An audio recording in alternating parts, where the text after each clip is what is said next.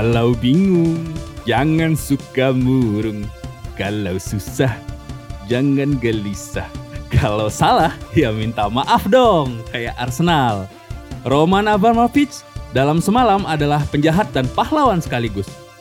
Benarkah anak-anak muda zaman sekarang malas nonton sepak bola 90 menit? Seperti klaim Florentino Perez yang tidak muda lagi. UEFA ini maunya apa? Mau jadi federasi? Atau promotor? Atau penyelenggara? Pembuat regulasi? Atau apa? Tanya Agnelli. Kami mau klub-klub kaya nggak usah macem-macem deh, jawab fans. Kami mau pemilik klub-klub kaya mendengar suara kami. Halo keluarga Glazer, Siapa yang akan juara Liga Champions dan siapa yang akan juara liga-liga liga-liga liga lainnya, semua itu akan kita bicarakan dalam podcast Turun Minum episode 8.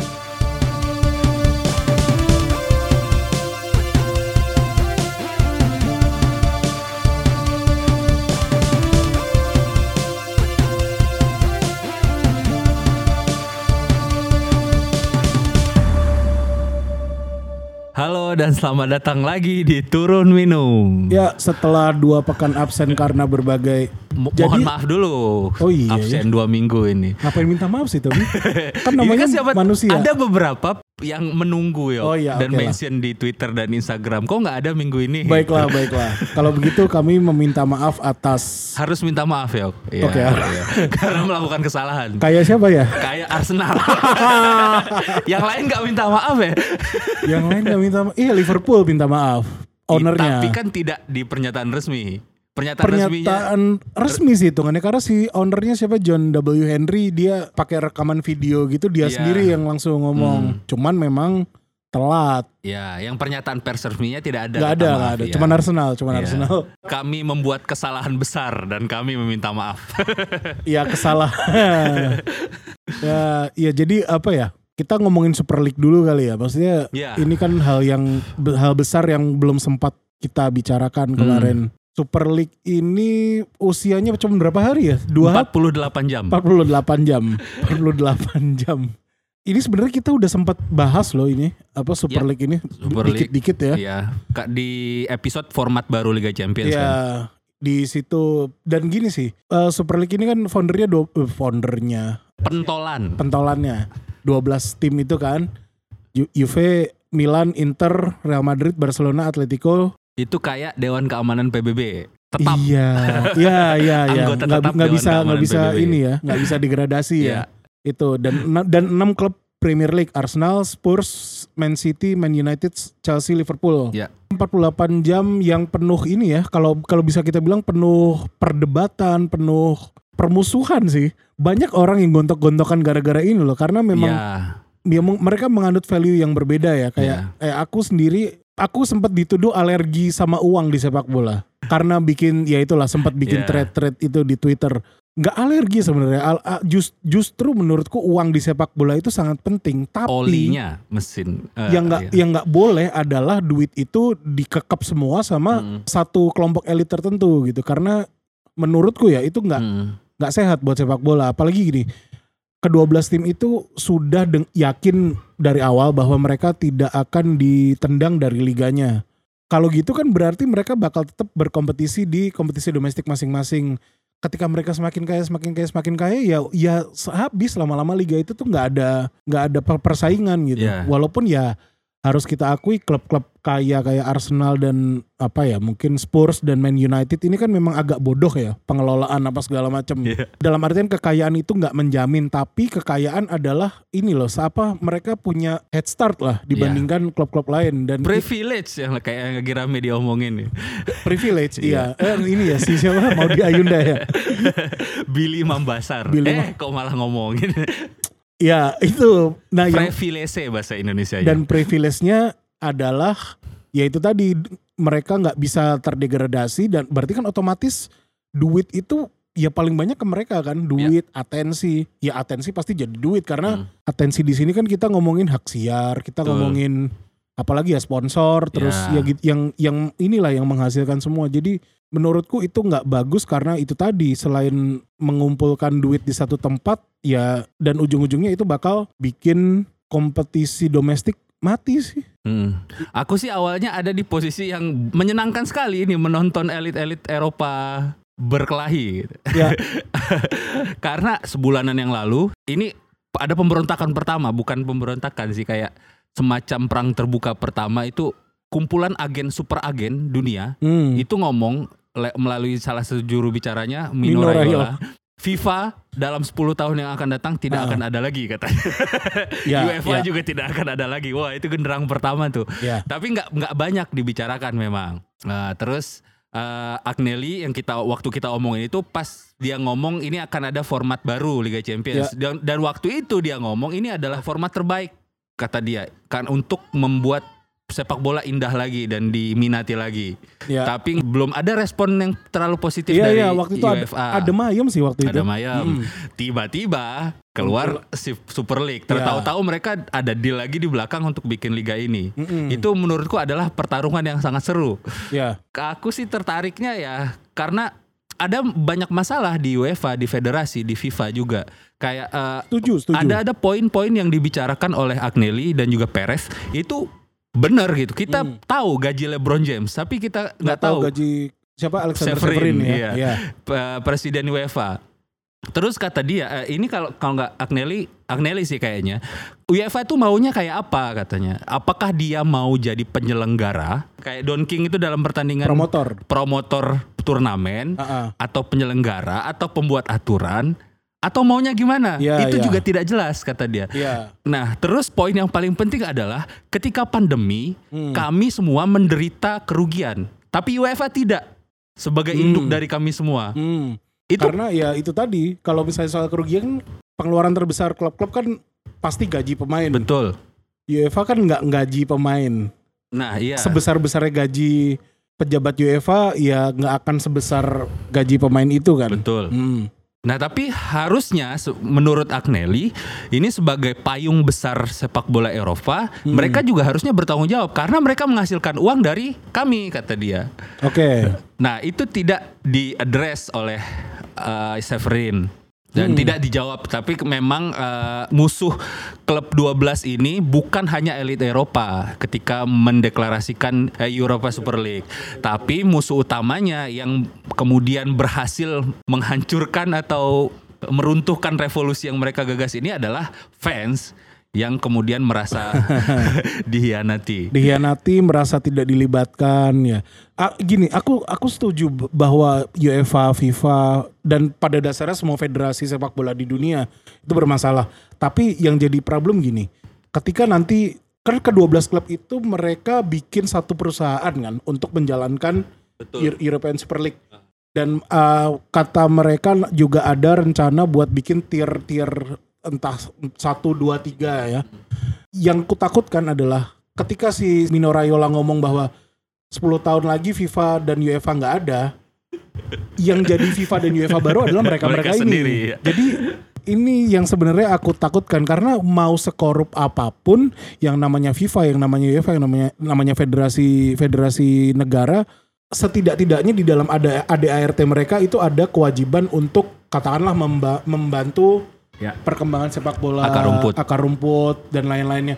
Nah, si Perez kemarin bilang bahwa mereka akan melakukan itu, tapi nggak ada jaminan loh, Iya. nggak ada jaminan. Maksudnya bisa jadi mereka juga melakukan hal yang sama dengan UEFA, menyembunyikan kekayaan, bilang ya adanya duitnya segini, kami bisanya segini kan bisa aja. Betul. Jadi it's the same thing gitu, nggak menyelesaikan masalah menurutku dengan me- menendang UEFA dan FIFA dari pembicaraan itu nggak akan menyelesaikan masalah sih. Betul, ya. Eh, kemudian ada lagi yang salah satu poin menarik menurutku kemarin yang diomongin orang-orang adalah Barcelona itu menderita kerugian dan eh, punya banyak hutang karena pandemi. Menurutku Ya. itu salah. Bukan pandemi, pandemi adalah faktor tambahan. Ya, ya, ya, yang benar. masalah utama mereka bukan pandemi. Eh, Klub-klub besar ini rugi Mm-mm. dan banyak hutang. Emang mismanagement, Setuju, setuju. Terutama Barcelona ya. terutama Barcelona. Karena pendapatan mereka tuh yang tertinggi di dunia. Aku terakhir lihat laporan Deloitte Januari 2021 pendapatan mereka itu tahun lalu 2020 715 juta euro. Hmm. Dan di saat yang sama tuh utang mereka satu berapa ya? 1, 1,7 sekian miliar. Iya 1,7 kalau nggak salah miliar euro. Dan itu ya balik lagi ke benar mismanagement kayak ngasih gaji pemain seasal-asalan lah. Gimana ya? eh waktu salah satu yang salah satu pihak yang mendukung European Super League ini kan coach Justin Laksana ya. Oh ya. Iya, dan dia sebenarnya menur- menurutku punya beberapa poin bagus kayak UEFA ini kurang ininya, kurang tanggung jawab gitu untuk me- menyelamatkan sepak Karena bola. nggak jelas itu tadi posisinya. Kalau Iya. di liga katakanlah liga Inggris ya. Ada FA, ada ISL, ada ada beberapa badan lain yang itu fungsinya berbeda Iya, gitu. iya. Ini UEFA dimakan semua sama UEFA. Dan FIFA juga gitu. FIFA juga gitu. Iya. Benar. Untuk bahkan di Indonesia pun beda loh. Iya. PT LIB menjalankan liga, PSSI ya PSSI federasi. Heeh. Urusannya timnas, urusannya futsal gitu-gitulah. Tapi untuk bener sih untuk UEFA sama FIFA ini memang Semua agak-agak- dimakan. Semua dimakan. Coach Justin itu bilang bahwa perkara gaji yang terlalu besar, agent fee yang terlalu besar, transfer fee yang terlalu besar, itu karena FIFA, eh, ya FIFA lah, FIFA UEFA itu tidak menerapkan aturan yang jelas. Kayak katakanlah salary cap, walaupun untuk salary cap aku nggak setuju karena salary cap mau pakai capnya siapa, nggak bisa. Makanya sebenarnya UEFA ini udah punya aturan financial fair play. Iya. Itu menurutku kalau diterapkan dengan benar bakal sangat membantu klub-klub. Celakanya yang bikin itu aturan jadi nggak jalan kan sebenarnya klub-klub sendiri. Manchester City udah jelas-jelas melanggar tapi mereka bisa nyewa lawyer segala macem dan eh, entahlah waktu itu waktu zamannya si presiden UEFA sebelumnya siapa ya Infantino ya. Infantino. Itu kan mereka jelas-jelas nyogok Infantino supaya bisa terus main supaya hukumannya di diperingan atau apa segala macam. Jadi Iya. yang salah siapa gitu. Semuanya salah Salah sebenarnya. iya. Semuanya bermasalah makanya aku tidak berada di posisi tertentu. Eh, tapi memang aku bersimpati terhadap fans, pendukung yang yang pertama-tama demo di ini revolusi di Fulham Road. Yuk. revolusi Ya. Bolsheviknya di Fulham Road. Tapi yang menjadi sar sekaligus Leninnya adalah Abramovich. Iya. Dia dalam semalam menjadi penjahat tapi malam berikutnya menjadi pahlawan. Iya, dia yang pertama mundur ya. Chelsea yang pertama mundur ya. Kayaknya eh, nggak nggak terlalu jauh dari Man City atau Man City duluan itu. Chelsea duluan kalau nggak salah. Chelsea ya. duluan nggak. Hmm. Habis itu disusul Man City. Tapi gini sih, Chelsea, Man City itu klub nggak butuh duit Ya, karena keuangan mereka ya bagus. Heeh. Terutama Chelsea ya. Maksudnya kalau City kita kita tahu mereka apa investmentnya kan belum lama ya datangnya. Hmm. Ya satu dekade lah. Sementara kalau Chelsea ini kan udah 20 tahun. Jadi kayak udah ya udah established seperti itu klub mereka dan klub mereka itu ke Chelsea itu sehat keuangannya, sehat Iya. banget. Jadi menjadi maklum ketika mereka ah nggak udah nggak butuh. Hmm, Mereka memutuskan untuk ya udahlah nggak usah ikut daripada kehilangan fans Iya. yang selama ini menemani mereka di stadion. hmm, Karena biar gimana pun fans yang ada di stadion itu yang paling penting sih. hmm. Yang paling penting karena Ya, kalau stadion kosong juga gimana gitu. kan. ya. Banyak eh, fans yang ngomong eh, kita dirampok ketika kita tidak terlibat setahun terakhir dalam sepak bola gitu. Cuman paradoksnya itu tadi ya kayak kayak, kayak aku bilang eh, dalam semalam si Abramovich adalah sar Iya. ya itu penjahat dan dalam semalam juga dia bisa berubah menjadi seorang revolusioner dan menjadi pahlawan gitu. Padahal ya eh, itu paradoksnya sih. Iya, iya. Chelsea, Man City. Ya akhirnya itu semua klub Premier League mundur sampai akhirnya semua juga mundur tapi ada beberapa klub yang tidak menyatakan mundur sih. Sampai sekarang. Ju- Juve, Barcelona, Real Dan Madrid, Real dan, Madrid. dan AC Milan. AC Milan sudah.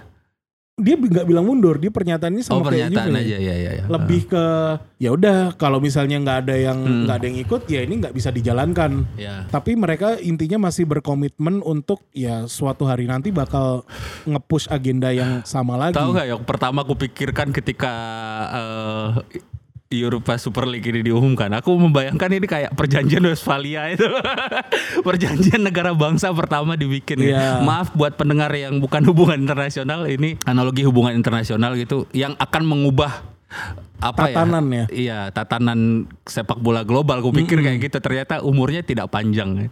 iya. Em, ini sebenarnya re- refreshing karena itu kan billionaires club ya, Hmm. 12 tim itu dan akhirnya runtuhnya tapi aku nggak yakin gimana ya. Kita selalu bilang runtuhnya oleh apa fans apa segala macam. Ya.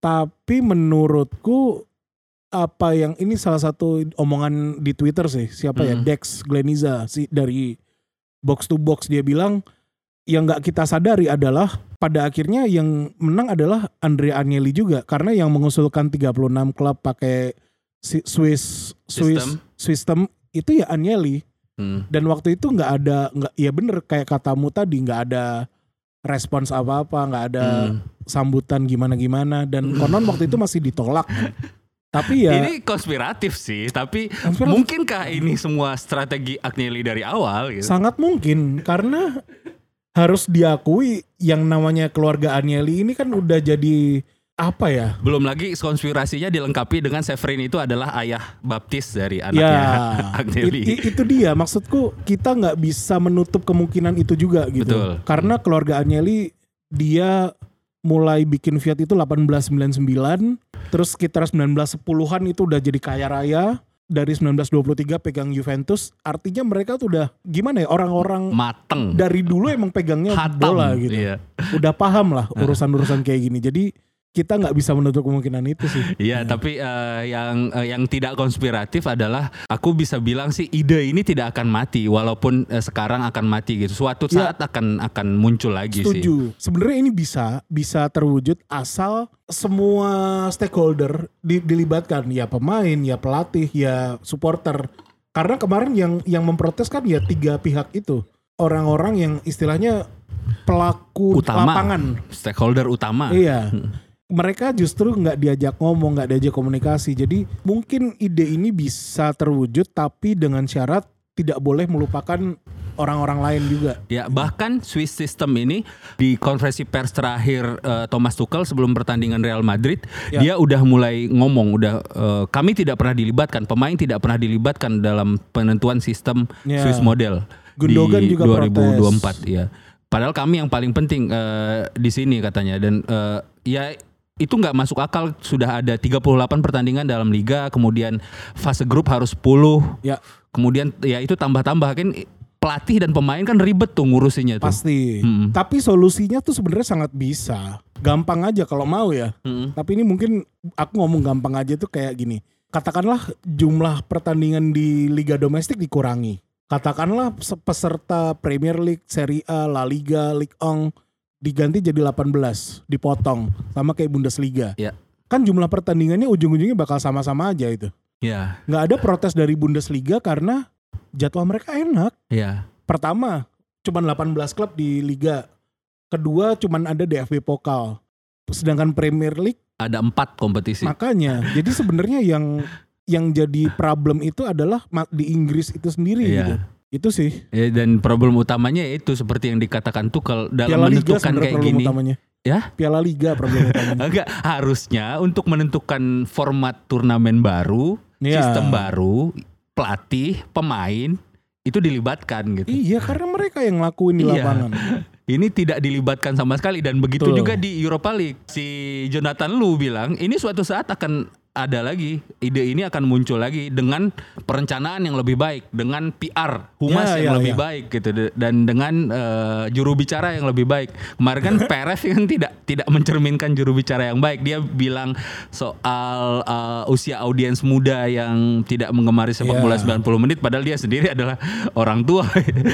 dia Iya. bukan perwakilan dari Iya, itu. Itu aku kan PR setuju. yang buruk kan berarti. Aku tapi sebenarnya setuju loh soal itu soal bahwa Ya, generasi muda itu tidak itu mengemari benar. sepak bola. Mm. Karena kalau aku lihat ya, sekarang itu kita tidak mengonsumsi sepak bola lagi, tapi Ya. adalah menurutku proses produk dari sepak bola. Jadi sepak bola di katakanlah sepak bola ini daging ya. Mm. Kita tuh makan kornetnya, kita makan sosisnya gitu loh. Dalam Ya. bentuk highlights, dalam bentuk FPL, dalam bentuk apalagi meme Twitter apa segala macam. Itu yang yang paling menarik buat generasi muda itu itu gitu. Jadi gimana caranya sepak bola itu ya itu penting tapi sepak bolanya sendiri gimana produk produk utamanya sendiri itu nggak nggak ditinggalkan Ya, gitu. betul. Poin Perez itu ada benarnya, Yok. Tapi memang eh, orang-orang di Twitter sekarang eh, terutama fans-fans garis keras yang eh, liga-liga Inggris lah ya. Banyak Terutama yang Inggris ya. mereka menunjukkan bahwa fans muda itu ya menikmati 90 menit gitu. Dan mereka masalahnya fans muda eh, supporter akar rumput Liga Inggris ini tidak bisa melihat fans-fans kayak kita yang fans Asia dan bukan hanya kayak kita malah yang lebih awam lagi itu ya seperti yang kamu bilang tadi mereka hanya menikmati bukan dagingnya Iya, sepak bola iya, tapi uh, uh. klip-klip itu tadi di situ Uh, uh, uh. poin Perez ada benarnya Ada benarnya, benar. Hmm. Aku setuju soal itu sebenarnya. Tapi anu sih, bener sih. Ide- ide ide ini akan selalu ada karena ia selalu ada sebenarnya. betul Bahwa keberadaan Champions League itu ya idenya kayak gini Idenya sebenarnya. Karena iya. ngap, iya, cobalah klub-klub terbaik dari masing-masing negara dipertandingkan. Itu kan siapa wartawan ya dulu wartawan Prancis ya Hmm, sama presiden UEFA waktu itu Henri Delaunay kalau nggak salah tahun 50-an. Jadi ya bener dengan P- PR, bener PR yang lebih bagus. Oke, kita sudah cukup panjang membahas eh, Super League. Satu lagi tema yang aku mau omongin sebelum kita tutup segmen ini, Yok. Apakah tim-tim yang tergabung ini harus dihukum dan kalau harus dihukum, apa hukuman yang tepat? Nggak usah lah.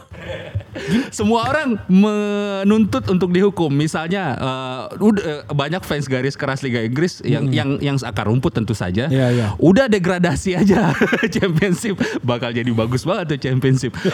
Atau eh, point deduction, pengurangan poin. Aku, aku eh, bukan setuju ya, tapi ada dasar hukumnya itu. Tap- ya tapi kan mungkin saja dilakukan. Aku eh, bukan tidak bukan bukan setuju tapi menyenangkan membayangkan iya. enam klub ini eh, memulai poin minus 20.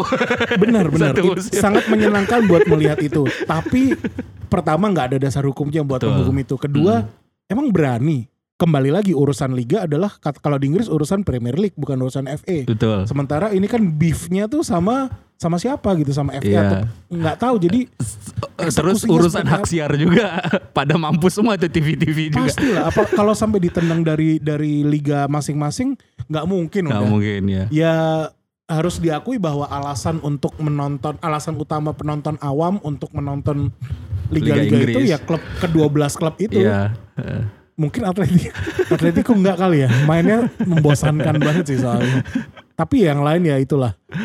Eh ya 12 itu tadi. Jadi eh, biar gimana pun entah entah federasi entah penyelenggara liga operator itu pas- masih membutuhkan ke-12 klub itu. Jadi ya Iya. nggak usah lah. Aku ngomong ini karena kayak eh, ya salah satu yang rame juga pas lagi eh, rame-rame Super League ini kan Wolverhampton Wanderers masang bio bio Twitter baru tuh. Iya. Juara Liga Inggris 2018, 2018 Southampton juga habis itu. Ya dari juara yang satu ke juara yang lain kami ucapkan selamat.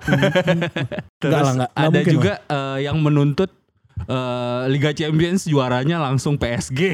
itu juga eh, si Tuchel langsung ngomong di situ. Ini kan masalahnya adalah petinggi kami kan. Kami pelatih dan pemain sampai di posisi ini karena usaha kami kan. Itu tidak fair kan. Mana ada PSG tuh nggak keluar karena Bein Sport pegang Liga Champions. itu aja ya. Sama Bayern juga. Ada Iya. hubung-hubungannya Ada sama lah Qatar juga sama aja. Jadi sebenarnya tuh bullshit lah.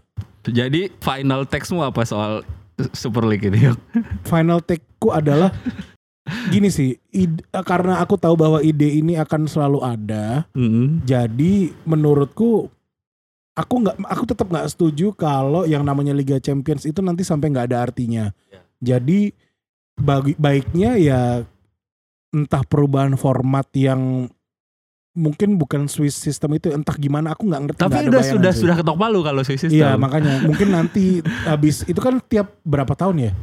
Itu kalau nggak salah pergantian format itu tuh berdasarkan ini. eh ada ada ada jangka waktunya lah kalau nggak salah Iya. empat tahun Wah, lupa deh nanti kita cek lagi ya Hmm, ada jangka waktunya jadi bisa jadi setelah itu diubah lagi Nah, iya.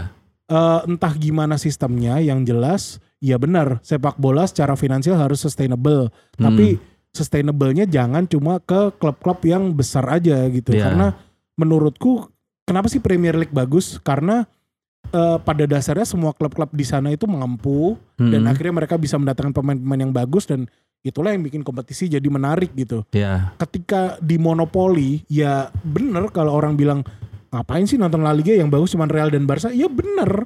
Tapi justru itu jangan sampai terjadi gitu Iya. karena ujung-ujungnya nanti gini kenapa ada ini ada enam klub Premier League di situ Iya. karena harus diakui Premier League secara kompetisi paling bagus Paling di antara yang lain Hmm. gitu nah itu loh kenapa nggak mikir sampai situ gitu. Jadi Hmm. memang harus diratakan ininya apa namanya kekuatan finansial apa segala macam itu harus Iya. diratakan supaya ini tuh makin yang muncul tuh makin bagus lagi Iya. gitu. Di Liga Inggris sendiri sudah ada eh, banyak perkembangan. Salah satunya banyak yang mau mengevaluasi kepemilikan klub. Ya, Ah, kita iya. lihat kita lihat aja nanti gimana perkembangannya Ya. karena Super League ini. Demikian segmen pertama yang sangat panjang. Ya. Di segmen kedua kita akan membahas Liga Inggris dan liga-liga lainnya.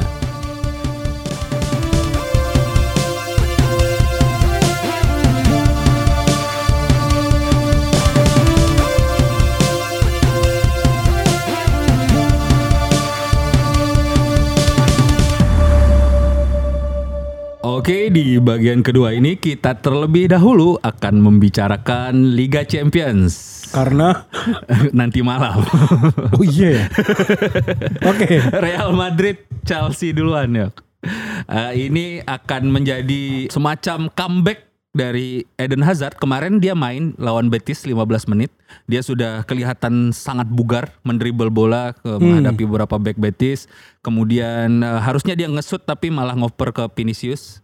Jadi Draw sel- 0-0. selama berapa tahun ini dia? Eh, sudah dua tahun di Real Madrid. Baru bugar sekarang. Baru bugar sekarang di sebagai perbandingan dia berapa tahun gitu di Chelsea? Eh, Tujuh kalau nggak salah ya. Ya. Hanya tiga absen 30 pertandingan liga. Nah, Di sini sudah 45 pertandingan liga. Selama Tampil dua di- tahun. Selama dua tahun. Wow. Si di Liga Champions cuma tampil tiga kali kalau nggak salah. Itu juga tahun kemarin lawan Man City itu salah satunya dan itu kelihatan kayak ayam sayur dia di Nah, pertandingan iya, iya. itu. dia masalahnya apa sih sebenarnya? Dia cedera nggak sih? Cedera dan itu macam-macam. Ada paha, ada lutut, ada ankle, kena Oh. covid juga sempet Oke. banyak banget. Kegendutan juga. Ah, iya dari kan awal itu kan kegendutan Iya, kan awal datang uh, itu. Tapi Kegemukan. itu dibarengi sama cedera juga ya. Setelah itu cedera, berapa kali sembuh, cedera lagi, cedera lagi, sembuh, cedera lagi gitu. Wah, kayak kakak ya. Kayak kakak. Itu tim Real Madrid yang sudah berhasil sejauh ini tanpa Hazard Hmm. dan nanti akan kemungkinan akan dimainkan. Kira-kira gimana nih menurutmu Yok? Dengan menghadapi Tuchel yang semakin matang. Iya, iya. Kalau kita ngomongin Real Madrid sama Chelsea yang sekarang tuh kan kita sebenarnya ngomongin tim mana yang pertahanannya lebih bagus kan sekarang tuh. Nggak tahu aku bagus mana ya. Secara sistem kayaknya lebih meyakinkan Tuchel. Iya, memang. iya, Hmm, setuju. hmm. Tapi ini Real Madrid, Bung. Jadi Real Madrid dengan super powernya itu ya. Real Madrid itu kadang nggak nggak bisa dijelaskan sih karena eh, Real Madrid pun walaupun kita ngomongin sistem apa segala macam eh, secara personel itu oke banget loh. Bahkan Ya. si Lucas Vazquez sekarang jadi back kanan juga jago banget kan? Hmm. nggak ada Carvajal nggak masalah ada Lucas Vazquez. Mungkin problemnya malah di tengah ya di di di, di duo center back ini loh. Bugar semua nggak sih pemain? Eh, siapa? Val, eh, Varane, Varane Ramos, dan Ramos. Ya itu. Kayaknya udah deh udah ini sembuh sih. Udah sembuh ya? Mm, berarti nggak ada masalah sebenarnya karena betul ya kan kita ngomongin Real Madrid pasti kita ngomongin ya personal personal mereka yang udah udah bertahun-tahun sam- bersama-sama itu. Dan Mm, kupikir mereka ka- gimana ya katakanlah dengan pelatih yang berbeda sekalipun mereka punya sistem sendiri antar sesama mereka itu.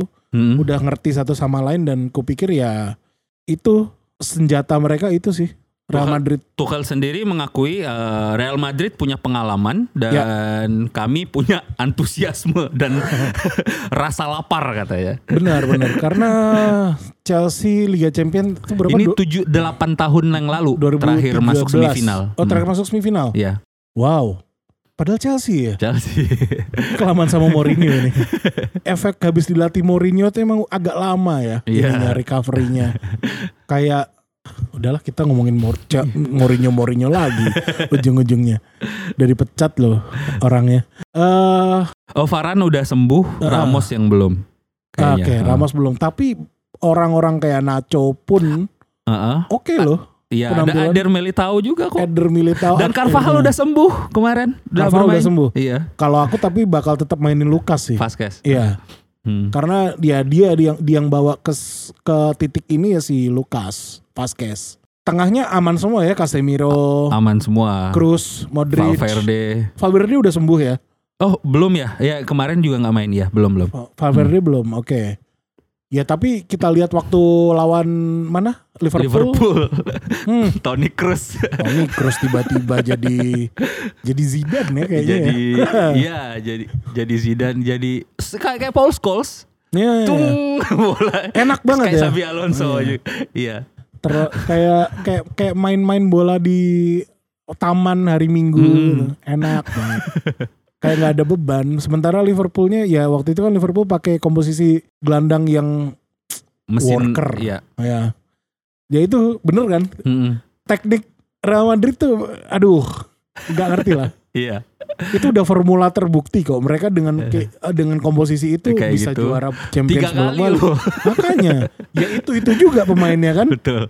itu itu juga Cuma minus eh, dari yang tiga kali itu kan minusnya Ronaldo aja Sama kan. Bale. Eh, Oh, sa- oh iya sama, Sama Bale. Bale. Cuma kan mereka sekarang ada Vinicius dan ada Hazard. Nah, Rodrigo tuh gimana kabarnya? Ada Rodrigo juga dan Ada ada, satu lagi siapa? Oh, Ma- ah, Marco Asensio. Ada Asensio ya. Asensio ini salah satu aktor terpenting Madrid waktu juara 16-17. Ya. Dia sempat cedera lama ya, terus akhirnya balik lagi. Dan syukurnya ini sih, jadi yang agak aku agak takut sama nasibnya Asensio tuh gini. Kalau di, di kita main Fi- FIFA itu Hmm. kan, career mode itu kan ada potensial ya, potensial pemain. Iya. Asensio ini potensialnya turun. Dulu dia pernah sampai 90 apa kalau kalau nggak salah 90. Hmm, ha. Tapi di FIFA yang terbaru ini kayak cuman 85 atau 84 gitu. Aku Jadi kayak- pertama kali ngelihat dia tuh kayak Messi, yok. nah, tapi ya itu setelah cedera itu aku agak khawatir Ya. karena itu. Karena aku nggak nggak ngikutin Real Madrid, tapi dari main FIFA tuh aku ngerti bahwa ketika ada rating pemain yang turun, ini pemain lagi nggak baik-baik aja nih. Hmm, Jadi kayak wow, apakah Asensio bisa kembali? Ternyata bisa. bisa lawan Liverpool kemarin. Karena aku seneng terbukti, banget iya. pemain ini menurutku Hmm. bagus banget dan Hmm. dia tuh kan pemain yang mainnya pakai otak banget ya. Ya. Bagus lah kalau dia udah balik ke performa yang kayak dulu. Jadi entah gimana aku masih menjagokan Real Madrid. Gak tahu kenapa. Aku jagoin Chelsea lah. Iya, itu kan keharusan ya. Bukan keharusan ya. Tahunku akan indah sekali yo kalau Chelsea juara Liga Champions. Ya, Eh, eh ini apa? Oh PSG ya, Oh satunya iya, ya. di, di pertemuan eh, yang lainnya antara PSG melawan Man City. PSG dan Man City. Agak aneh ya ketika kita nggak ngeliat Bayern di situ ya, Iya. karena Itu juga tidak lolos karena away goal kan, gol tandang. Iya. Dan k- kalau ada Lewandowski lain cerita lah. Asli lah. Iya, Lain sangat cerita. berbeda. Iya. PSG dan Man City ini menarik sih. Sangat-sangat menarik. Menarik karena Man City pasti men- menang. Man City ya, gue nggak tahu kenapa ya. Aku PSG karena akan dihajar dengan serangan balik yo. Eh, Mbappe, Neymar, Neymar dan Di Maria. Di Maria. Uh, Di Bahkan Maria lagi pelapisnya bagus-bagusnya. Ya. Drexler pun sangat menyukai serangan balik. Betul. Dan dan dan gelandang-gelandang PSG ini model yang jago bawa bola juga. Ya. Verratti, Gana, Hmm. siapa lagi sih lupa aku. Verratti, Gana, terus eh, Oh Herrera. Herrera, Herrera Ander tuh cadangan Herrera, ya? terus eh, oh, main kok main. Terus siapa Ya. lagi? Eh, Yang suka bawa bola juga dari klub J- eh, Rusia sebelumnya dan pernah main di AS Roma nomor 8 itu. Siapa oh sih? ini Paredes. Paredes ya. Oh iya iya benar, Leandro Paredes. Mm. Aku nggak nggak menjagokan PSG karena Pochettino, tapi aku juga agak khawatir sama Man City karena Guardiola gimana ya? Guardiola ya. Eh, susah sih nebak. Kalau aku susah sih nebak ini. Iya. Lebih lebih lebih lebih gampang jagoin Real Madrid dah, daripada. Kok bisa sih? Ini Real Madrid akan dinetralisir loh sama Chelsea yo. Yang absen cuman Kovacic. Kante akan merajalela kayak lawan Atleti. Atletik kan gampang. iya, ini mesinnya cuman Suarez ya. Iya. Ini banyak banget Madrid. Madrid sih hati-hati loh. Tapi kalau ya itu tadi Man City sama PSG, aku sebenarnya penasaran sih karena Neymar ini mulai bagus lagi. Dan dia kita kan terakhir ngomongin PSG adalah tim player dan star player. Nah, di kemarin pendelapan final kemarin lawan uh, Munich Munchen di baik di leg pertama dan leg kedua kelihatan Neymar jadi tim tim player. player. Iya, Iya, benar, benar. Itu masalahnya. Star playernya beneran udah Mbappe sekarang. Iya. Ini menarik sih. Ini apa namanya eh, dinami dinamika yang menarik sih. Karena eh, jadi jadi bagus. Iya. Jadi bagus ketika Neymar. Nah itu ketika Neymar mau berkorban, PSG, Mm-mm. PSG bakal oke sih. Iya. Masalahnya cuma satu, apakah dia akan kambuhan lagi kayak lawan Atalanta itu. ya betul. Uh, lini belakangnya gimana ya kabarnya ya? Pemain terakhir itu kan waktu kita ngomong PSG mau lawan Bayern itu kan banyak pemain yang cedera Hmm, ya. hmm. Ini kalau misalnya orang-orang kayak Florenzi terus siapa lagi ya? Nggak tahu aku pemain PSG Hmm. yang belakang. Kemarin tuh ada aku lupa juga namanya. Kerrer. Iya, ada Marquinhos juga absen kan tapi udah bisa main lagi nih lawan Ya, City. Oke. Coba kita cek Berarti ya. aku nggak tahu mau ngomong apa karena aku lama nggak nonton bola. oh Kim Pembe dan Oh, Kehrer iya. iya Kim Pembe kemarin Hmm, main semua kayaknya ini ya. main semua. Hmm. Dan plus oh kok nggak ada Marquinhos di pertandingan terakhir? Jangan disimpan ya. Jangan-jangan disimpan. Tapi kalaupun cedera ya ya aku nggak berharap banyak sama Tilo Kerrer tapi sama Presnel Kim Pembe oke lah. Iya. Pas lawan PS eh, pas lawan Munchen itu Hmm. mereka pakai Pereira dan Kim Pembe. Nah iya maksudku ini Oh. Danilo Pereira. Hmm. Danilo Pereira. Aku baru ingat ada pemain ini di PSG. Iya. Aku ingat waktu Danilo Pereira tuh bagusnya tuh sekitar 2015-2016 waktu di Porto ya. Hmm. Waktu di Porto terus habis itu nggak kedengeran lagi namanya tiba-tiba di PSG. Dia bisa sih bener jadi jadi Hmm. back tengah. Aslinya kan DM ya. Iya. Oke. Nah, persoalannya Man City ada kan ini tadi seperti yang aku bilang tadi eh, di belakang garis pertahanan ini tadi kan Ya. yang akan sangat rentan dis- dengan serangan balik gitu. Ya. Kira-kira nih solusinya si si Pep akan gimana ya mengatasi itu?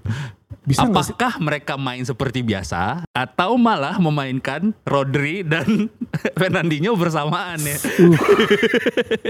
itu masuk akal semua sih. Masuk akal semua dan, dan Nah, dan yang masuk akal itu yang bikin Man City kalah di tahun-tahun sebelumnya. Iya iya iya iya. Eh, terla ya gini sih.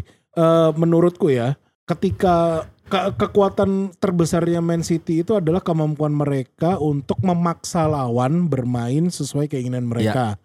Hmm. Maka dari itu jangan sampai di pertandingan-pertandingan krusial seperti ini Hmm. Guardiola itu justru mem- terdikte ini terdikte ter- eh, taktik lawan gitu. Ya. Itu sih Hmm. menurutku ya udah main kayak biasa aja. Sebenarnya kalau Man City bisa keeping ball dengan bagus ya kans mereka buat menang ya besar-besar aja Hmm. menurutku. Dan Pochettino punya rekam jejak yang bagus ketika melawan Man City waktu masih di Spurs 2018 kalau nggak salah. Ya. Iya, yang mereka masuk final itu Yang Spurs masuk masuk, final. final. Tapi itu kan masuk finalnya kan karena Raheem Sterling golnya dianulir. Iya, salah satunya dan Iya. away goal juga itu. Iya, jadi secara permainan sebenarnya berimbang gitu. Berimbang. Nggak nggak nggak nggak jomplang banget gitu. Ini sulit diprediksi ya berarti. Sulit juta gini aja daripada memprediksi mendingan kita nunggu Guardiola mikir apa nih. Guardiola Iya, bakal melakukan apa ya. nih. Eh, dan udah sudah banyak pandit yang bilang sebaiknya Guardiola tidak memikirkan apa-apa. Nah, iya kan bener kan. Iya. Karena kalau dia terlalu banyak mikir tuh jadi ya itu tadi Iya. permainannya terdidikte sama lawan gitu. Padahal Iya. itu nggak bagus. Oke, eh, demikian dulu segmen kedua. Di segmen ketiga kita akan bicara Liga Italia, Liga Inggris dan Liga Jerman. Juga sedikit-sedikit kalau ada ya La Liga. Oke, kalau ada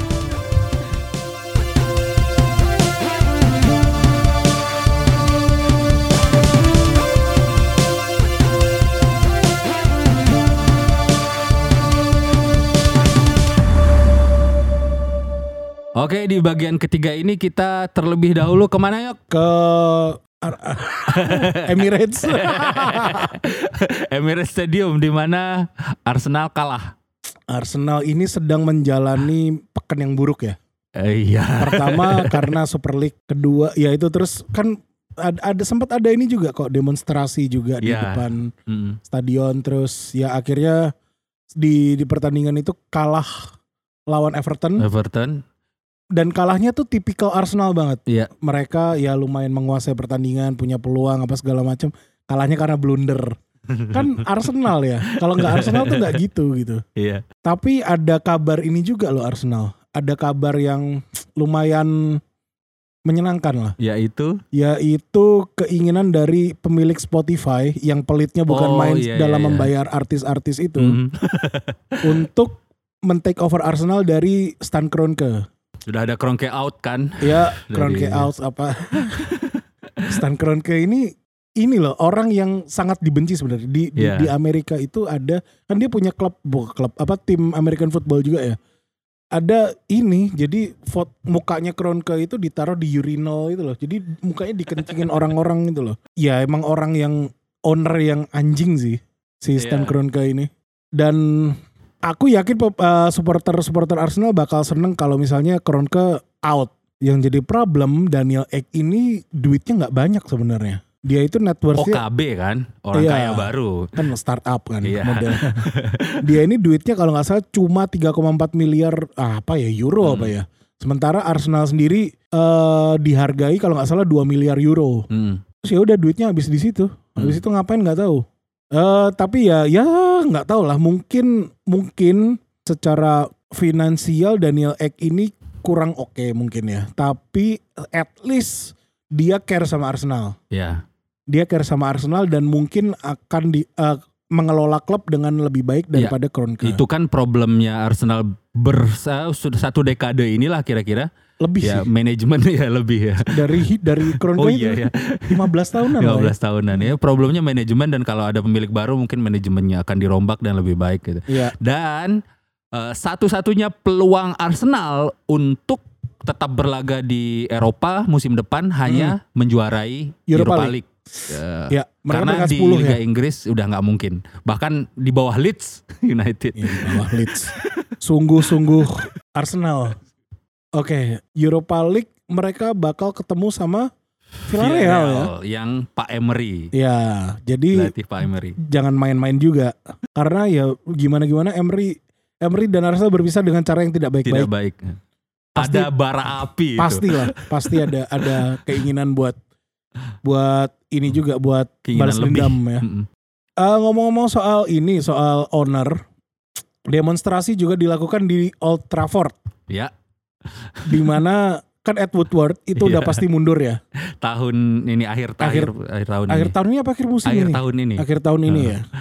Eh masih lama. Masih lama. Tapi ya udahlah, Masih bisa bikin kerusakan, Yok.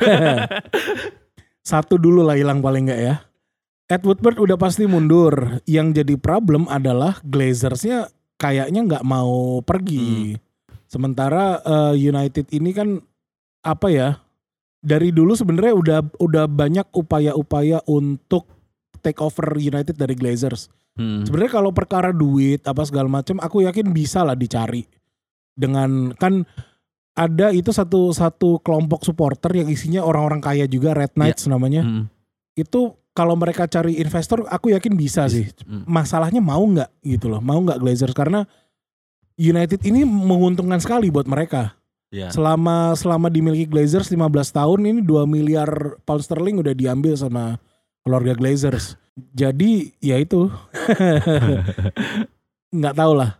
Kayaknya sih enggak ya. Cuman gini, eh, biarpun begitu, eh, setidaknya sudah ada pembaruan, pe- Hmm. perubahan di tubuh manajemen United, Ya. termasuk dengan ditunjuknya John Murtough sebagai Direktur sport. direktur olahraga Hmm. ya. Dan kupikir itu satu dan kedua kepergian Ed Woodward eh bisa membawa sesuatu yang baru lah buat United Ya. dan kupikir harusnya sih bisa lebih inspired lagi daripada musim ini ya. Musim ini United sebenarnya tidak di ya sebenarnya lumayan loh kalau Ya. kita ngomongin pencapaian United musim ini ter- terlepas dari kegoblokan mereka di Liga Ya. Champions ya.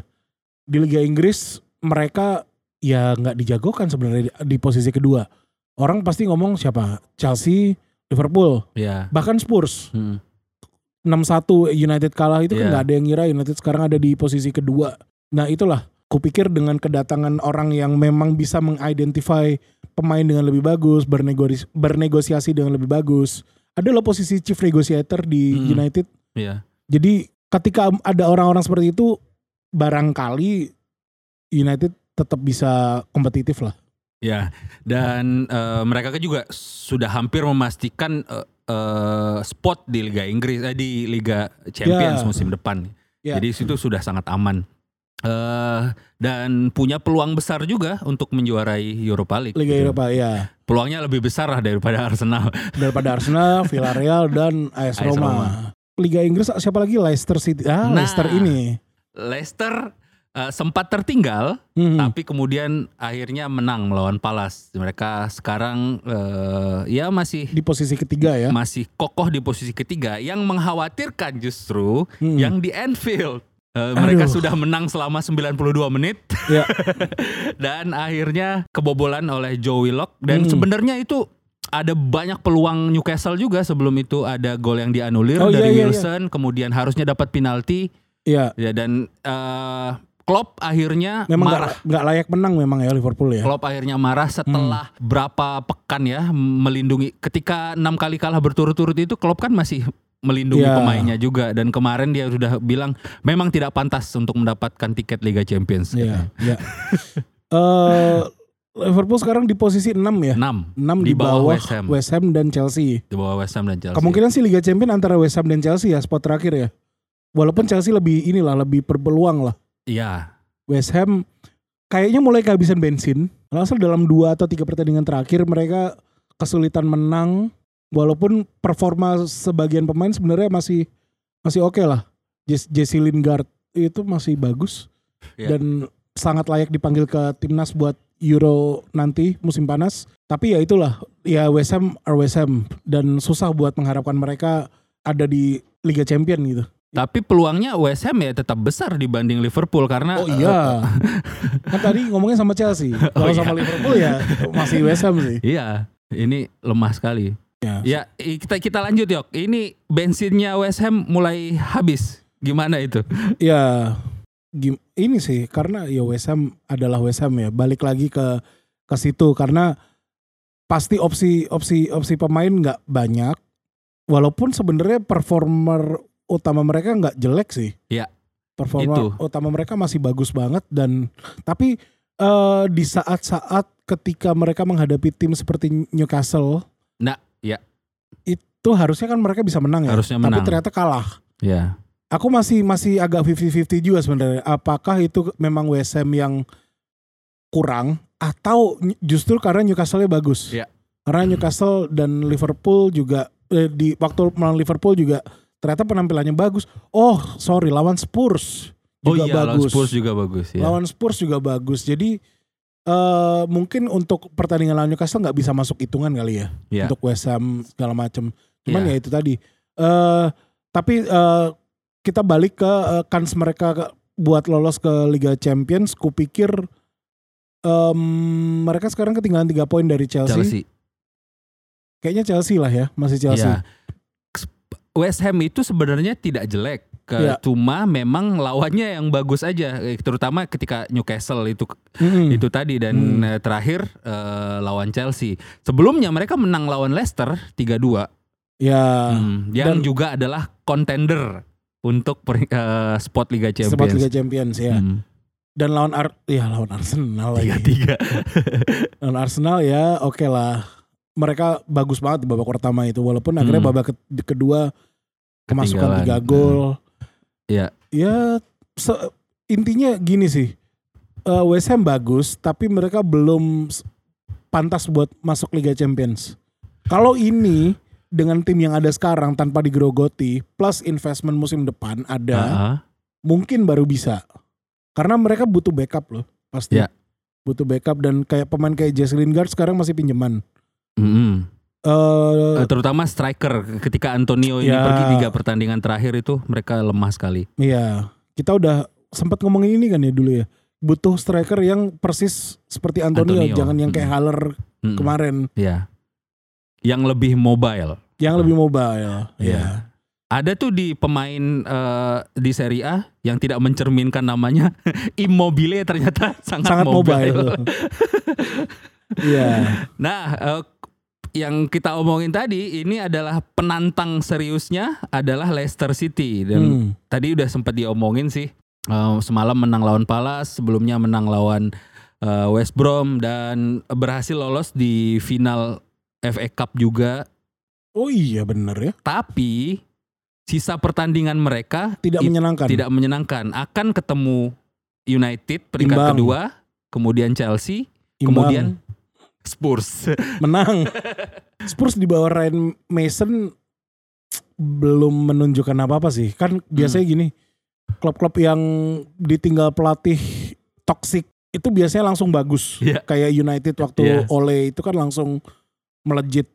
Tapi ini belum kelihatan gitu. Ah, Belum kelihatan. Aku nggak tahu deh apakah aku nggak ngerti penunjukan Ryan Mason ini berdasarkan apa ya? Ya mungkin berdasarkan siapa yang ada aja ya. ya. Nggak, aku nggak tahu kapabilitas dia sebagai pelatih kayak apa. Pengalaman jelas nggak ada. ada. Gimana dia menghandle dressing room karena dulu pun ketika masih main Ryan Mason ini bukan pemain utama. Ya. Apalagi kapten bukan. Em, aku nggak tahu cara dia menghandle dressing room dan segala macam. Maka dari itu ini masih ada berapa pertandingan? Lima, eh lima, lima pertandingan ya. Aduh, kalau mau nge-hire pelatih sekarang juga Nggak bisa memang akhir musim mereka. Iya.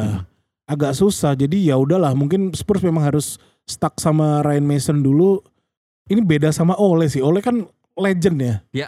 Dia bisa menginspire itu dengan kisah-kisah masa lalunya Kejayaan. kayak gitu kayak gitu. Mason nggak bisa. Lagi Hmm. pula apa kejayaan Spurs dalam Spurs tuh terakhir juara liga tahun 61 intinya Iya. gitu. Apa kejayaannya nggak ada Nggak juga ada, gitu. iya.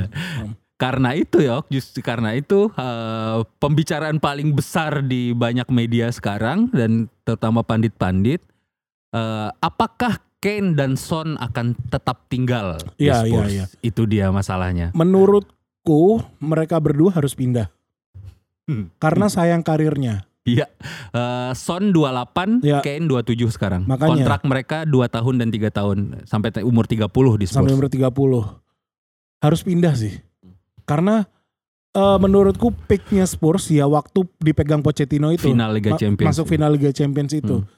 Abis itu siklusnya udah habis Hmm. pemain-pemain belakang juga makin tua termasuk Hugo Loris terus Alderweireld Vertonghen Ya, mereka udah makin tua juga dan nggak ada pembaruan-pembaruan yang signifikan gitu. Ya. Ya mereka adalah transfer Hoypier, Dombele, tapi nggak ada star powernya pemain-pemain itu nggak bisa mengangkat tim ini ke level yang lebih tinggi. ya. Pemain dengan level kebintangan yang tertinggi di Spurs ya Harry Kane dan Son Heung-min. Hmm.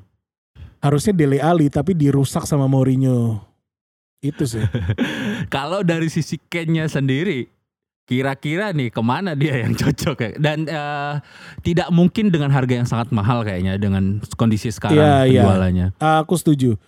Menurutku ya, Man, Man United pertama karena MU udah pengen dari dulu sebenarnya, Iya. udah pengen Harry Kane dari dulu. Dan kedua, Harry Kane ini adalah pemain yang bener-bener dibutuhkan sama United. Striker andal di kotak penalti itu loh, finisher yang hebat. ya. Madrid juga ingin yok dari lama tuh Ramos sudah ngomong udah ke Madrid ya, aja. Iya iya. Apalagi Benzema juga udah tua ya. Betul. Mm. Dan itu sosok yang sangat pas itu buat pengganti Benzema. Iya. Selfless, Tapi tidak menurutku egois. Hmm. Real Madrid bagusnya beli Mbappe sekalian. Serius. Beli Mbappe sekalian atau Halan. Atau Haaland, ya. Karena ya itulah. eh, aku nggak ngerti sih. Pertimbangan Ken nanti seperti apa. Mm. Dia pengen yang kayak apa dia. Karena gini Ken kan kita tahu sendiri ngomong Inggris saja nggak becus gitu. Iya. Jadi bisa jadi per- itu faktor bahasa bakal jadi penghalang lah. Penghalang buat Kane untuk pindah ke Real Madrid. Dan lagi kita tahu Gareth- Bale yang sebenarnya kalau kita lihat bisa loh dia diwawancara bahasa Spanyol tuh ya bisa-bisa aja jawabnya. Itu aja dianggap nggak ini nggak serius Iya. membela Real Madrid apa segala Kan dia macam. dia sendiri yang mendeklarasikan itu ya. Wales, golf, Real Madrid Eh, in tap- that tapi order. kan itu setelah bertahun-tahun, setelah bertahun-tahun nggak merasa nggak dihargai itu loh. Salahnya siapa coba? Salahnya fans Real Madrid sendiri lah. Kupikir Ken nggak mau itu gitu. Ya. Kupikir Ken kalaupun pindah bakal ke Inggris-Inggris juga. Mm. Karena nah, karena itu yang Hmm. paling kutakutkan ya dia akan ke Man City. itu juga mungkin sih. Iya, karena Pep udah ngomong kan soal transfer Haaland, dia paling mungkin menyediakan 100. Ya. Eh, dan itu bisa masuk lah untuk Kane. bisa sih. Bisa bisa. Sangat menguntungkan udah untuk Spurs juga. Iya, jual iya. 100 itu. Karena Ken kan produk mereka sendiri ya. Jadi ya untungnya full. Ya. Untungnya full. Dan Son, Son ini, hmm, Son ini bagusnya Semua orang ya? pasti ingin. Iya, masalahnya dia bisa masuk di tim mana pun. Ya, betul. bisa masuk di tim mana pun kecuali Man United malah karena ada Marcus Rashford yang nggak mungkin diganti di situ. Hmm. Hmm, aduh susah ya. Bisa jadi keluar Inggris loh. Kalau Si- Son sangat mungkin karena Iya kan? dia punya pengalaman di Jerman Makanya. juga. Iya. Eh, aku bisa melihat Son Heung-min ini bermain di Bayern Munchen. Iya. Karena flop ya, enggak sih, enggak ada yang flop sih. Itu wingernya Bayern yuk. Iya, nggak ada sih sebenarnya. Cuman ya Bayern Munchen sangat pasti Iya, tetap iya. menggoda sih. Mm-mm. Walaupun nggak tahu lah nanti gimana. Mm. Eh, tapi ya intinya adalah dari Liga Inggris ini dari sekian banyak klub yang paling eh, bukan sekian banyak klub dari enam klub teratas Liverpool kayaknya udah habis ya. B- Belum Ininya. sih, belum benar-benar habis tapi Hmm. melihat apa yang terjadi di, di Anfield kemarin dan uh, Ya. frustrasinya Klopp ya Udah lempar handuk ya. kayak udah lempar handuk tapi uh, setelah ini setelah lawan United Hmm. habis itu fixture mereka enak empat pertandingan lainnya Lo lawan Newcastle itu kan enak sebenarnya. Harusnya lo ya. Ya. Tapi ya kalau misalnya Liverpool mentok segini ya ya udah mentok segini gitu. ya eh, si Newcastle juga kan ada faktor tambahan yaitu mereka ingin lolos dari degradasi Mereka tuh nggak nggak usah lolos lah sebenarnya tim-tim kayak Newcastle degradasi aja lah. tapi eh, mereka akhirnya bisa terbang ya karena si Wilson sembuh kemudian Alan San Maximen juga sembuh Oh iya. Ya itu yang faktor tambahannya. Iya. Nah Liverpool itu akan ketemu setelah ketemu United, eh, Southampton, West Brom, Burnley dan Palace. Jadi masih ada kemungkinan. Untuk kalah. Serius. Ya Karena West Brom, Burnley, Palace dan Southampton. ah, menurutku West Brom sama Burnley yang paling tricky malahan. Iya. Betul. Karena Burnley ini kayak kemarin menang 4-0 lawan Wolves. Itu kan Dan Burnley menang di Anfield di pertemuan pertama ya. sebelumnya Ya, satu kosong. Jadi ya itu West Brom sama sama Burnley yang menurutku tricky buat Liverpool. Dan dengan West Brom seri di Anfield. ya kan? Emang udahlah Liverpool mentok aja musim ini lah. Iya. Nah, titik balik Liverpool itu adalah setelah kalah eh, setelah menang lawan Palace 7-1. Mereka memimpin klasemen tapi kemudian setelah itu turun bebas. Iya. Ini akan jadi pertandingan terakhir. Apakah Kristanbul akan kembali terjadi? Kita tunggu. Ngomong-ngomong peluang yang sangat menipis Ya. eh, untuk eh, spot Liga Champions Mhm. di Italia juga tidak kalah menarik karena AC Milan dan Juventus akan terancam untuk tidak mendapatkan spot tersebut juga. Kita ngomongin Milan dulu, Yok. Nah, Milan ini sampai Januari kemarin itu tidak pernah kalah dalam 27 pertandingan. Iya. Dengan skuad yang paling muda di Serie A, Hmm. walaupun ada Zlatan. Ibrahimovic yang umurnya 39 tahun, Mm-mm. mereka tidak pernah kalah sampai Januari kemarin. 27 kali. Tapi setelah itu 17 kali mereka tidak pernah menang dua kali berturut-turut. Termasuk kalah melawan Inter, Juve, Atalanta dan semalam Lazio. Lazio. Mm. Sebelumnya juga pernah kalah lawan Sassuolo. Sassuolo. Apa yang terjadi Pak Yoga di Milanello? Nggak ngerti ya aku. Eh, ini kan tren Milan. Oh ya, mereka juara pertengahan musim. Ya, Campione AC Milan, d'Inferno. Tren Milan menurun ini kan kalau nggak salah ya, Mm. sejak Zlatan cedera itu loh. Ya. Zlatan cedera. Jadi sebenarnya dari situ kelihatan bahwa ternyata Zlatan yang me- membawa tim ini gitu. Dan ketika pemain kayak Zlatan nggak ada susah. Karena Zlatan ini bukan kita nggak ngomongin soal apa ya bukan cuman soal penampilan di lapangan gol assist segala macam tapi presence itu loh.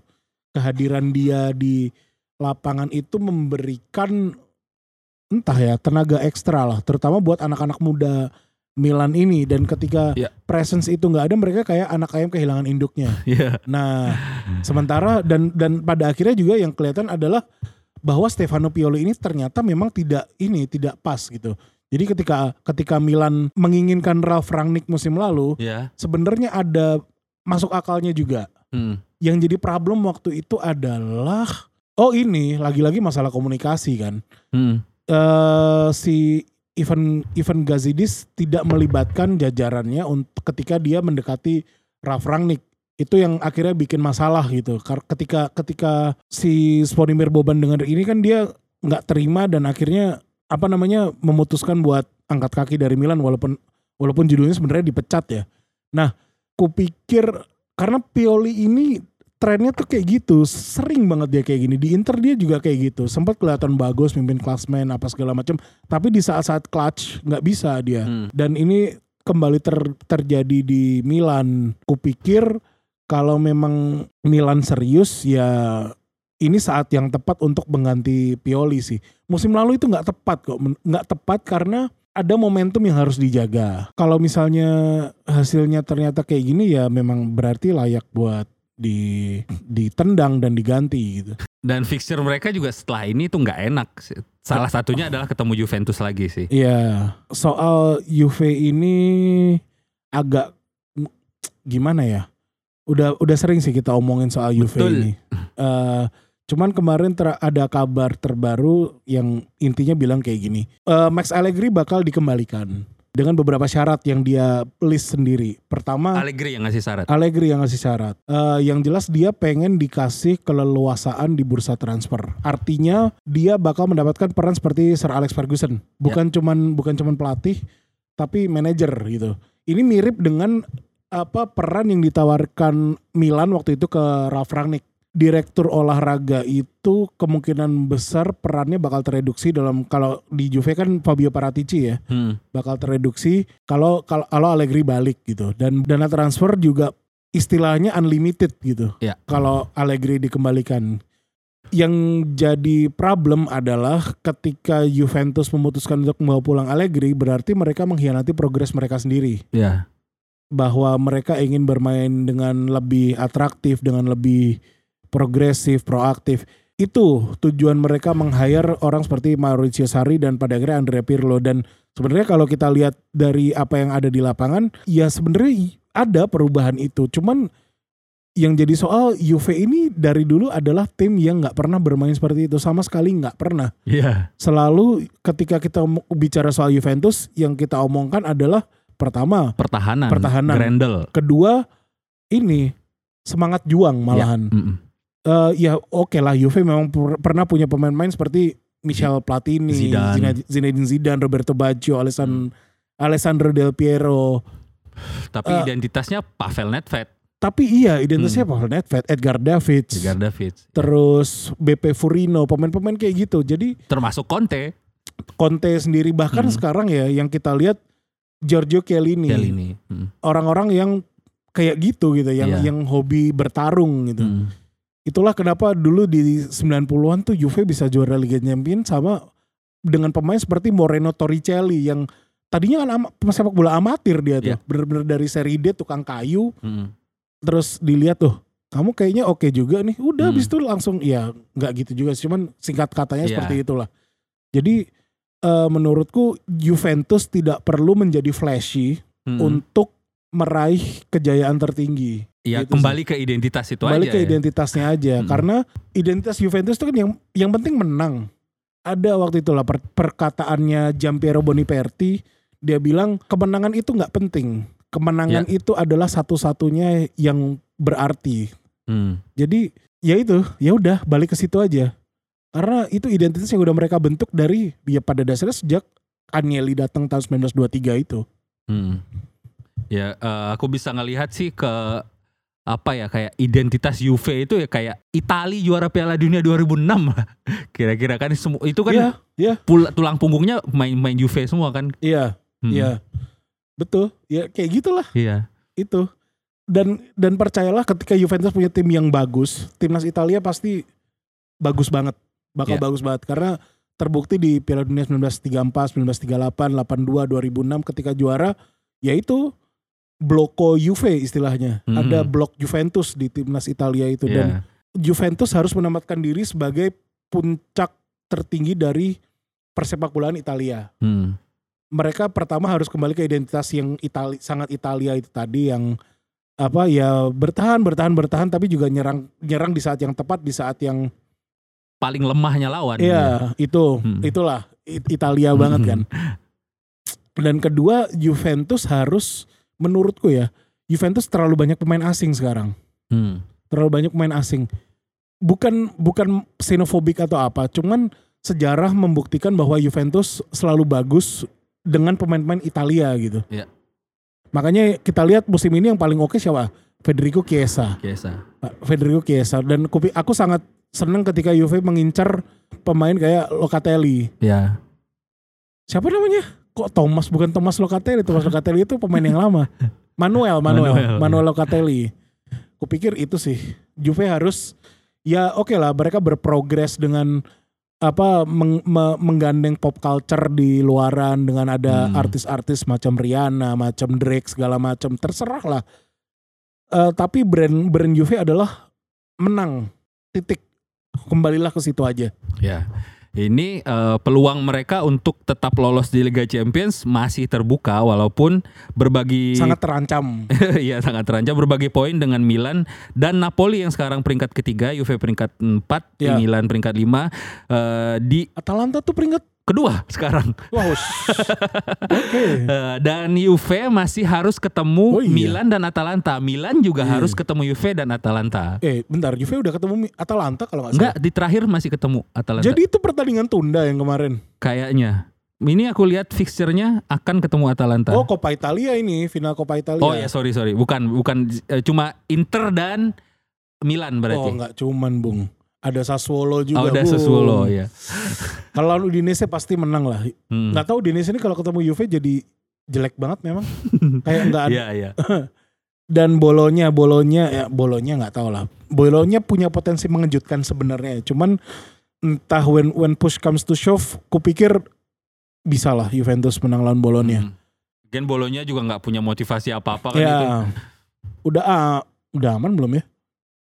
Oh udah lumayan lah. Udah aman ya. Kayak Burnley lah itu. Ya, Bolonya Udinese sama ya itulah udah udah aman udah oke lah bisa. Terus tapi ya itu ketemu Inter, ketemu Inter, ketemu Milan. Aku nggak tahu sih. Aku takut sebenarnya ketemu Inter karena ini Inter yang berbeda dari musim-musim sebelumnya ya, yang Hmm. Inter yang Inter yang layak juara memang. Iya. Napoli masih ketemu siapa aja ini? Ada Cagliari, Spezia. Wow, jadwalnya enteng sekali Enteng, Napoli. Napoli paling enteng. Oke, jadwalnya enteng sekali. Cagliari, Spezia, Udinese, Fiorentina dan Verona. Hmm. Yang berpotensi mengejutkan kemungkinan ya Verona malah. Verona dan Verona sih menurutku. Iya. Yang lain nggak ada. Kemudian AC Milan ya. Kita siapa aja sih Milan tadi? Milan harus ketemu Atalanta dan Juve yang paling berat. Oh iya betul. Ada ya Benevento dan Cagliari. Ya itu enggak lah nggak tahu lah ya kayaknya Paling enggak sih. terancam memang Milan. Ya paling terancam Karena sudah Milan. 5 dan Mm-mm. fixernya agak berat. Eh, Lazio gimana? Poin 61 Lazio sebenarnya 61, masih mungkin 65, ya, Masih mungkin. tapi susah. Melihat kemenangan mereka semalam melawan Milan masih sangat mungkin. Makanya, makanya Iya. itu. Lazio ini perasaan akhir-akhir ini mulai menanjak Kebalikan lagi dari ya. musim kemarin ya. Mereka kendor Ya, di akhir kalau sekarang di kenceng di akhir. karena sudah nggak terlibat lagi di kompetisi lain kan. Iya betul. Hmm. Oh dan mereka masih menyimpan satu pertandingan kalau Betul. nggak salah. Hmm. Oke, jadi sebenarnya ini ya peluang Lazio masih masih lumayan lah ya. Iya. Kalau misalnya mereka menang satu udah 6-3, cuman Hmm. beda tiga poin kan. Oke. Dan kalau kita lihat jadwalnya Lazio mana ya jadwalnya ya? Kita cek dulu. Lazio akan bertemu dengan Genoa, Fiorentina, Parma. Wow, ada derby della Capitale tapi. Iya, ada lawan Roma. Iya, Dan Sassuolo di Sassuolo. Oke, jadi ternyata nggak gampang-gampang banget ya. Oke. Lazio berarti Napoli dan Juve yang paling besar peluangnya. Napoli dan Juve dan eh, Milan kan cita-cita terbesarnya adalah Hmm. lolos lagi ke Liga Champions setelah 8 tahun. 8 tahun loh ternyata nggak ada 8 Milan di Liga ya. Champions Eh terakhir berarti loh, terakhir itu berarti 2013. Allegri loh yang Allegri, bawa. ya. Wow. Jago loh Allegri ini kalau dipikir-pikir. Walaupun waktu itu ngandelinnya Ibra, Iya, iya. Ibra juga. Iya. Oke. Dari kita udah nih Itali. Kita pindah ya, negara buat fans nih? Milan di luar sana kuat-kuat aja Ya, habis banyak-banyak zikir. Banyak-banyak zikir. Mumpung bulan puasa. Puasa jangan batal. Mm-mm. Sholat tobat kalau perlu ya. Iya. Biar itulah doanya tuh lebih lancar ke atas. Betul. Kita ke Bundesliga. Ada kabar mutakhir yang eh, mengejutkan gak sih? Enggak? Julian Nagelsmann tiba-tiba eh, diumumkan Iya. oleh Mad- eh, oleh Munchen dan Leipzig untuk melatih Bayern Munchen per Juli Ya, 2021. mulai musim depan ya. Ini sebenarnya ada tren. Sebelum sebelum Nagelsmann ke Bayern, sebelumnya Marco Rose udah pindah ke Dortmund Mm-mm, dan eh, Adolf Hütter. mm-mm, bukan Pindah. Hitler. Aku lebih suka Adolf daripada Adip. Bodoh amat lah. Adolf Hitler itu pindah ke Borussia Mönchengladbach. Uh-uh. Jadi ini semua tim papan atas Bundesliga mengambil pelatih-pelatih terbaik dari tim papan atas Bundesliga lainnya. Iya. Dan yang menarik tadi kalau nggak salah ada man- mantan rekanku di Kumparan yang memang pengamat Bundesliga. Iya. Dia bilang itu beli semua loh. Beli maksudnya biasanya pelatih itu kan ya udah pelatih itu ya pindah ngesain kontrak biasa nggak ada biaya transfer. Iya. Tapi ini ada semua ternyata. Iya. Dan bahkan Nagelsmann itu pelatih termahal Pelatih dengan termahal. biaya transfer termahal maksudnya ya. Iya. Sebelumnya dengan biaya ya. transfer termahal juga termahal gaji akan gaji di Bundesliga. Bundesliga. Oh ya, ya itu maklum lah kalau itu.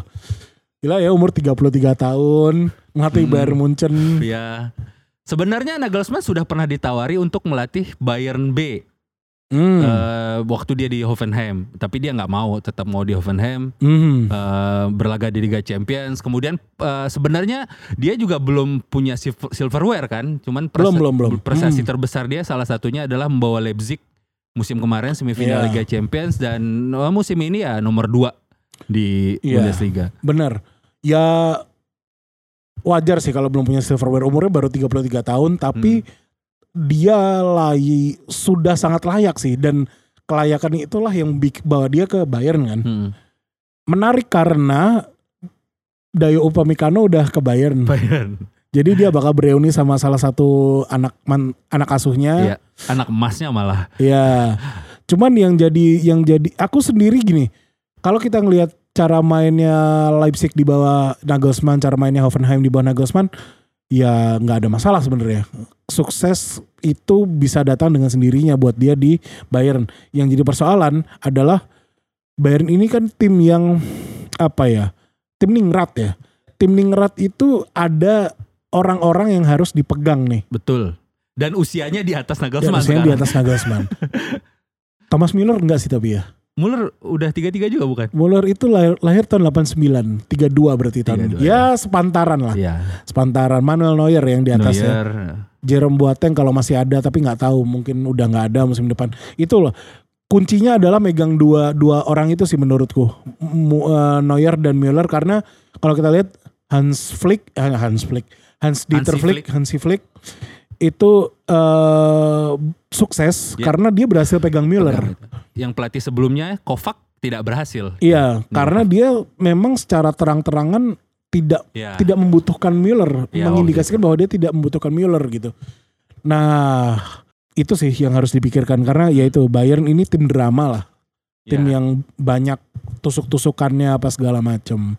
Yang aku khawatir sebenarnya nasibnya Marco Rose di Dortmund. Hmm. Karena gini, ku- aku melihat bahwa eh, Adolf Hitler di Gladbach itu bakal bisa lebih sukses daripada Marco Rose di Dortmund. Hmm. Karena kondisi tim menurutku Gladbach ini tim yang uh, they can only get better. Hmm. Sementara Dortmund sangat berpotensi untuk jadi lebih buruk Ya, dengan kehilangan Olan, kehilangan Ya. Sancho, Ah. Marco Reus semakin tua, Mats Hummels semakin tua, kiper juga belum ada yang Ya. beres. Terus siapa lagi ya? Gelandang-gelandang mereka juga sebenarnya biasa-biasa aja sih ternyata.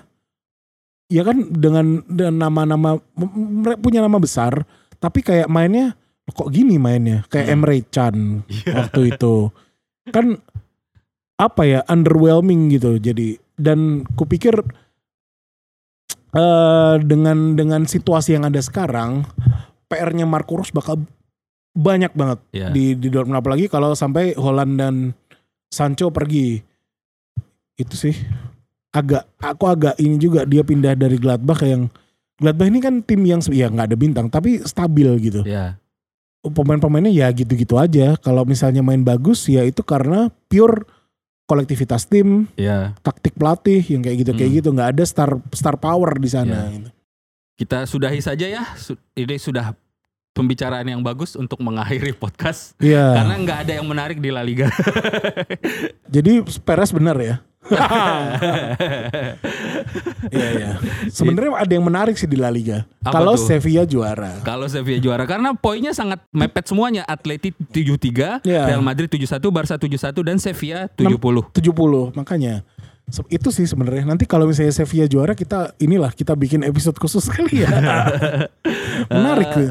di Barcelona masih punya simpanan satu pertandingan bisa menyamai poin eh, Atleti. Eh, Real Madrid di satu sisi kelihatan sekali pas lawan Betis kemarin satu matanya sudah ke Liga Champions saja Ah, gitu iya, iya. udah nggak ini lagi di La Liga. gitu. Ya itulah Real Madrid ya. Real Madridnya Zidane sih terutama ya. Iya. Mereka agak mengecewakan di La Liga.